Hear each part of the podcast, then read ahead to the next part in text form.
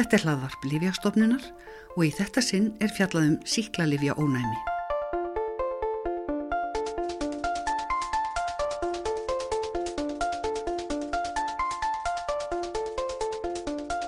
Dagana 18. til 24. november nú í ár 2019 stendur yfir alþjóðleg vitundarvika um skinsamlega notkun síklarlifja. Og það er full ástæða til því ónæmi í missa skadalegra bakterja fyrir síklarlifjum hefur verið vaksandi og því er mikilvægt að sína varkárni í ávísunum á síklarlif og að þau séu rétt notuð. Það er innan við öll síðan fyrsta síklarlifið, pensilínið, kom fram. Uppgötunina má rekja til Alexanders Fleming, professors í örverufræðum við St. Mary's Spítalan í London. Þetta var árið 1928.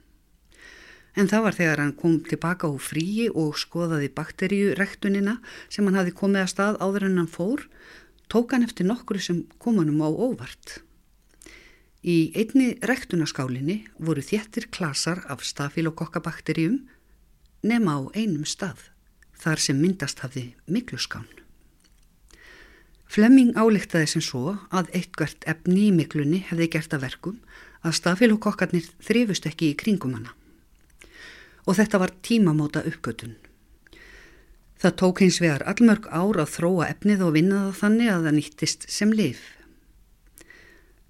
Fyrsti sjúklingurinn fekk pensilín 1941 en það var ekki fyrir en tveimur árum síðar að lifi var komið í framlegslu sem einhverju nám. Tilkoma pensilínsins gerða verkum að hægt var að meðhandla síkingar sem annars hefðu getað orðið yllvigar og jafnveg leitt til dauða. Því má eiginlega segja að um byltingu hafi verið að ræða. Kolbeitt Guðmusson er yfirleiknir Livjastofnunar. Já, það er alveg rétt. Þetta var mikil byltingi læknisvæðinni þegar þetta kemur á, á, á marka svo að segja að áður fyrir voru minnstu bakteríusíkingar banvænar menn dói úr síkingu í tá eða minni átt að lúnabólgu. Og hvernig var þetta, hvað var gert við svona síkingum áður en pensilíni kemur til? Var bara treyst á það að ónáfiskerfi sjúklingsins reði við þetta? Já, það var lítið annað hægt að gera og við treystum svo sem ennþá ónáfiskerfi til þess að hjálpa okkur. Síklarlefin e, ger ekki alla vinnuna en e, það voru einnig notaður ímsar aðferðir. Það var hægt að, ef að þetta voru stóra síkingar með graftaramyndum, þá var hægt að skera upp við þessu og reynsa út dauðanu vef og, og gröft en öðru leiti voru með bara býða og sjá til og taka því rólega. En já, hvernig virka eða verka síklarlifin á, á bakteríunar? Drepa þau bakteríunar eða hindra vöxt þeirra?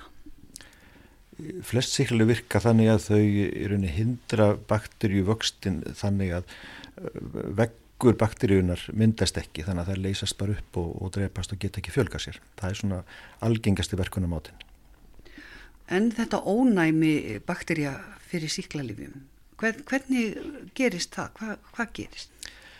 Bakteríu náttúrulega eru mjög margar í, í hóp og, og, og hérna og vaksa mjög hratt og þetta er eins og bara í, í, í náttúrunni almennt að þetta er svona survival of the fittest þannig að ef að einn af miljón þólir síklarlifi þá nær hann að fjölga sér og meðan hinnir deyja síklarlifi að dauða og, og þannig verður til stopp sem að þá þetta síklarlifi virkar ekki á. Og stökkbreytaðir sér þá svona eins og veirur gera? Já, alla, alla líf, lífverur geta stökkbreyt sér og, og það er alltaf stökkbreytingar í gangi og það er með það sem gerist í þessum bakterjum og annarkvæmt stökkbreytast þar sjálfar eða þó það taka upp gen frá öðrum bakterjum sem að geta hreinlega bara flust á milli sem að veita þeim þú þannan eiginleika að, að síklarleifið virkar ekki sem skildi. Framkjumur á vef sóttvarnamiðstöðvar Evrópu að árlega degi 33.000 manns í álfunni vegna bakterja sem eru orðnar ónæmar fyrir mörgum síklarlífi. Eru þetta mörglif sem eru hægt að virka á tiltekna bakterjur og er þá jáfnvel búið að afskrifa þau? Nei, það er ekki bara að afskrifa neyn síklarlif en, en það eru, má segja að snúður svo svolítið við, það eru fleiri og fleiri bakterjur sem ákveðin síklarlif virka ekki á en engin síklarlif sem hafa verið svona, sem hafa verið hægt nótkun á vegna þessa. En uh, getur ónæmi gengið tilbaka ef að, ef að hérna, það er eitthvað líf sem að tildingi bakteríja er orðin ónæm fyrir og svo er lifið kvílt og, og, og síðan byrjaði að nota það aftur, gæti þá verið að bakteríjan væri ekki með þetta ónæmi lengur? Já, þá eru við að tala um það langa byggð að, að þessi einstaka bakteri er ekki lengur til, þær lifa nú ekki svo lengi. Þannig að já, það, það náttúrulega mingar líkurnar á því að þeir stopnar stækki en frekar. En uh, það er alltaf hægt á því að hafa þessar þessir eiginleika bakteríun er ekki slæma áhrif fyrir bakteríuna. Þá hefur hún enga ástöðu til þess að sleppa þessum eiginleika. Þannig að ef hún reynir snorðin til og, og, og deyir ekki út þá verður svo bakteríu og það ónæmi áfram til En þetta með ónæmið verður þetta til af því að síklarlíf eru notið í of miklu mæli og kannski við aðstæði sem að ætti ekki að endilega nota þið? Það er stór hluti vandans, auðvitað getur ónæmi orðið til við eðlilega nótkun síklarlefja, bara eins og, eins og hérna gefur að skilja. En það eigur verulega á hættuna því meira sem er notað af síklarlefjum og því breyðvirkari síklarlefjum sem eru notuð, þá er eh, meiri möguleikar fyrir bakteríunar að mynda fjölþættara ónæmi og, og deila því með sér og þar að leiðandi og koma þá stærri stopnar eh, og útbreytari stopnar sem að eh, ákveðin liði virka ekki á. Þú talar um breyðvirkari líf, hvað, hvað þýðir það? Það þýðir yfirleitt að þau virki á fleiri tegundir bakterja. Sum eru mjög sértæk og virka á fáar tegundir en önnur virka á mjög margar tegundir. Hvað, hvað til dæmis svona algengustu síklarlif sem er í, í notkun eh, hérna hjá okkur á Íslandi? Hvað, er, er þetta breyðvirk eða eh, svona sértæklif? það er allur skalin á því og, og uh, þau sem eru tekin til intöku í töflu eða mikstúru formi geta verið bæði breyðvirk og, og, og minna breyðvirk en, en svo eru til enn sterkari og breyðvirkari líf sem eru þá flest gefin í, í æð á, á þá oftast á sjúkrastofnunum. En uh, svo er líka ofnókun í, í uh, matvælaframleyslu með hefur maður reyrt? Já, það er mjög mismönd eftir löndum en uh, það er eitt af stóru áhugjefnunum vegna þess að það er þá eins og gefur að skilja verið að nota mjög stærri skamta og, og, og kannski ekki og þá kannski meira í fyrirbyggjandi tilgangi það er ekki endilega verið að, að, hérna, meðhandla síkingar heldur komið veg fyrir síkingar sem er mjög svona vafasum nálgun í, í, í þessum, þessum bransa og flest síklarleif skiljast líka út bæði frá mönnum og dýrum og, og dreifast því um vistkerfið og, valda því að það kom upp ekki bara ónæmar bakteríur á gjörgæsludeldum heldur bara út í skurði og hjá næsta búnda. En já, hvað er til ráða? Hvað, hvað getur við gert til að, að reyna að draga úr uh, þessu ónæmi eða já, stöðva það kannski?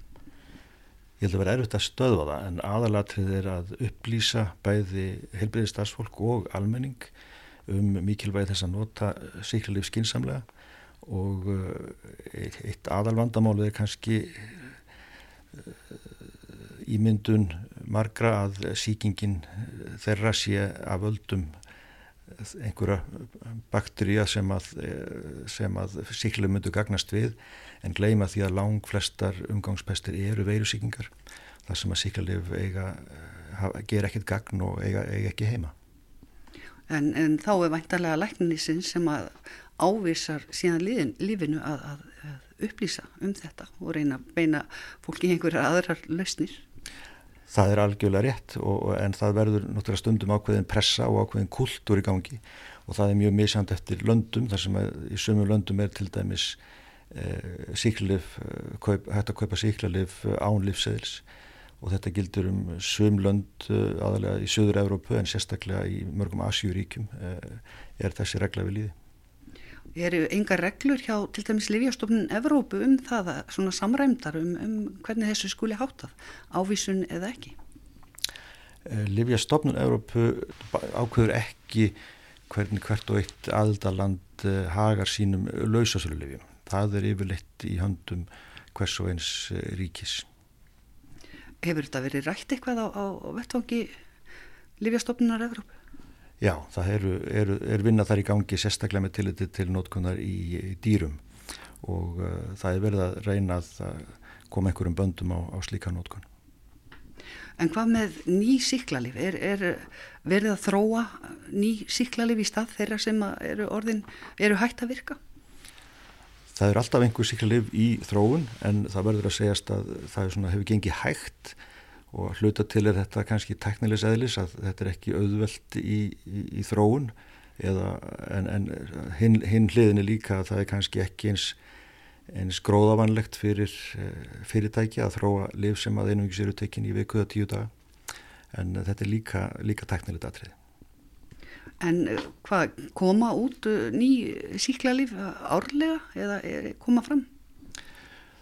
ég verð að viðkjanna það er kannski valla árlega en það eru svona eitt og eitt sem að dukkar upp. Þau eru þá kannski oft mjög sértæk fyrir mjög sjálfgefa síkingar þannig að þetta er ekki eitthvað sem við sjáum hérna út í apotekki eh, kannski hjá okkur en, en, eh, en það er í vinslu og, og sem betur fer. Að það er hinn vonin er að, að hérna við getum búið til nýlif en, en það má ekki gleyma því að aðal markmið er að eh, hefta útbreyslu Livja ónæmisins eins og hægt er. Það er annað verið glabræði Ertu bjart sín á að, að okkur gangi vel með þetta eða þurfum við að hafa áhyggjur? Ég er svona þokkalega bjart sín það hefur gengið eh, svona sæmilega vel að, að hérna, minka síklarleifanótkun hér á landi. Það eru, dæm, eru tölu sem sína það að það er aðeins verið að, að í rétt átt þar og, og það má náttúrulega ekki heldur að gleyma því að síklarlifi eru lífsnauðsynleg og það má ekki gera lítið úr því. Þannig að þetta verður að gera svona yfirvegun og, og skynsemi. Þetta var Kolbjörn Guðmundsson yfirleiknir Livjastofnunar að fræða um síklarlifja ónæmi og kannski rétt að rifi upp nokkur atriði til að hafa í huga svo draga megi úr síklarlifja ónæmi og það snýstum að nota síklarlif skinsamlega þar sem þau eiga við Muna þetta sem Kolbeitt nefndi að langflestar umgáspestir eru veirusíkingar og þá hafa síklarlif ekkert að segja. Á hinbógin er brínt að þeir sem fá síklarlif og sannarlega þurfa á þeim að halda fylgi fyrir mælum læknisins og klári þann skamt sem hann ætlaði til notkunar. Sé eitthvað eftir í pakningunni umfram það á ekki að klára afgangin heldur skilónum til eyðingar í apotek. Og ekki deila síklarlifjum með öðrum, ekkert frekar en öðrum ávísuðum lifjum.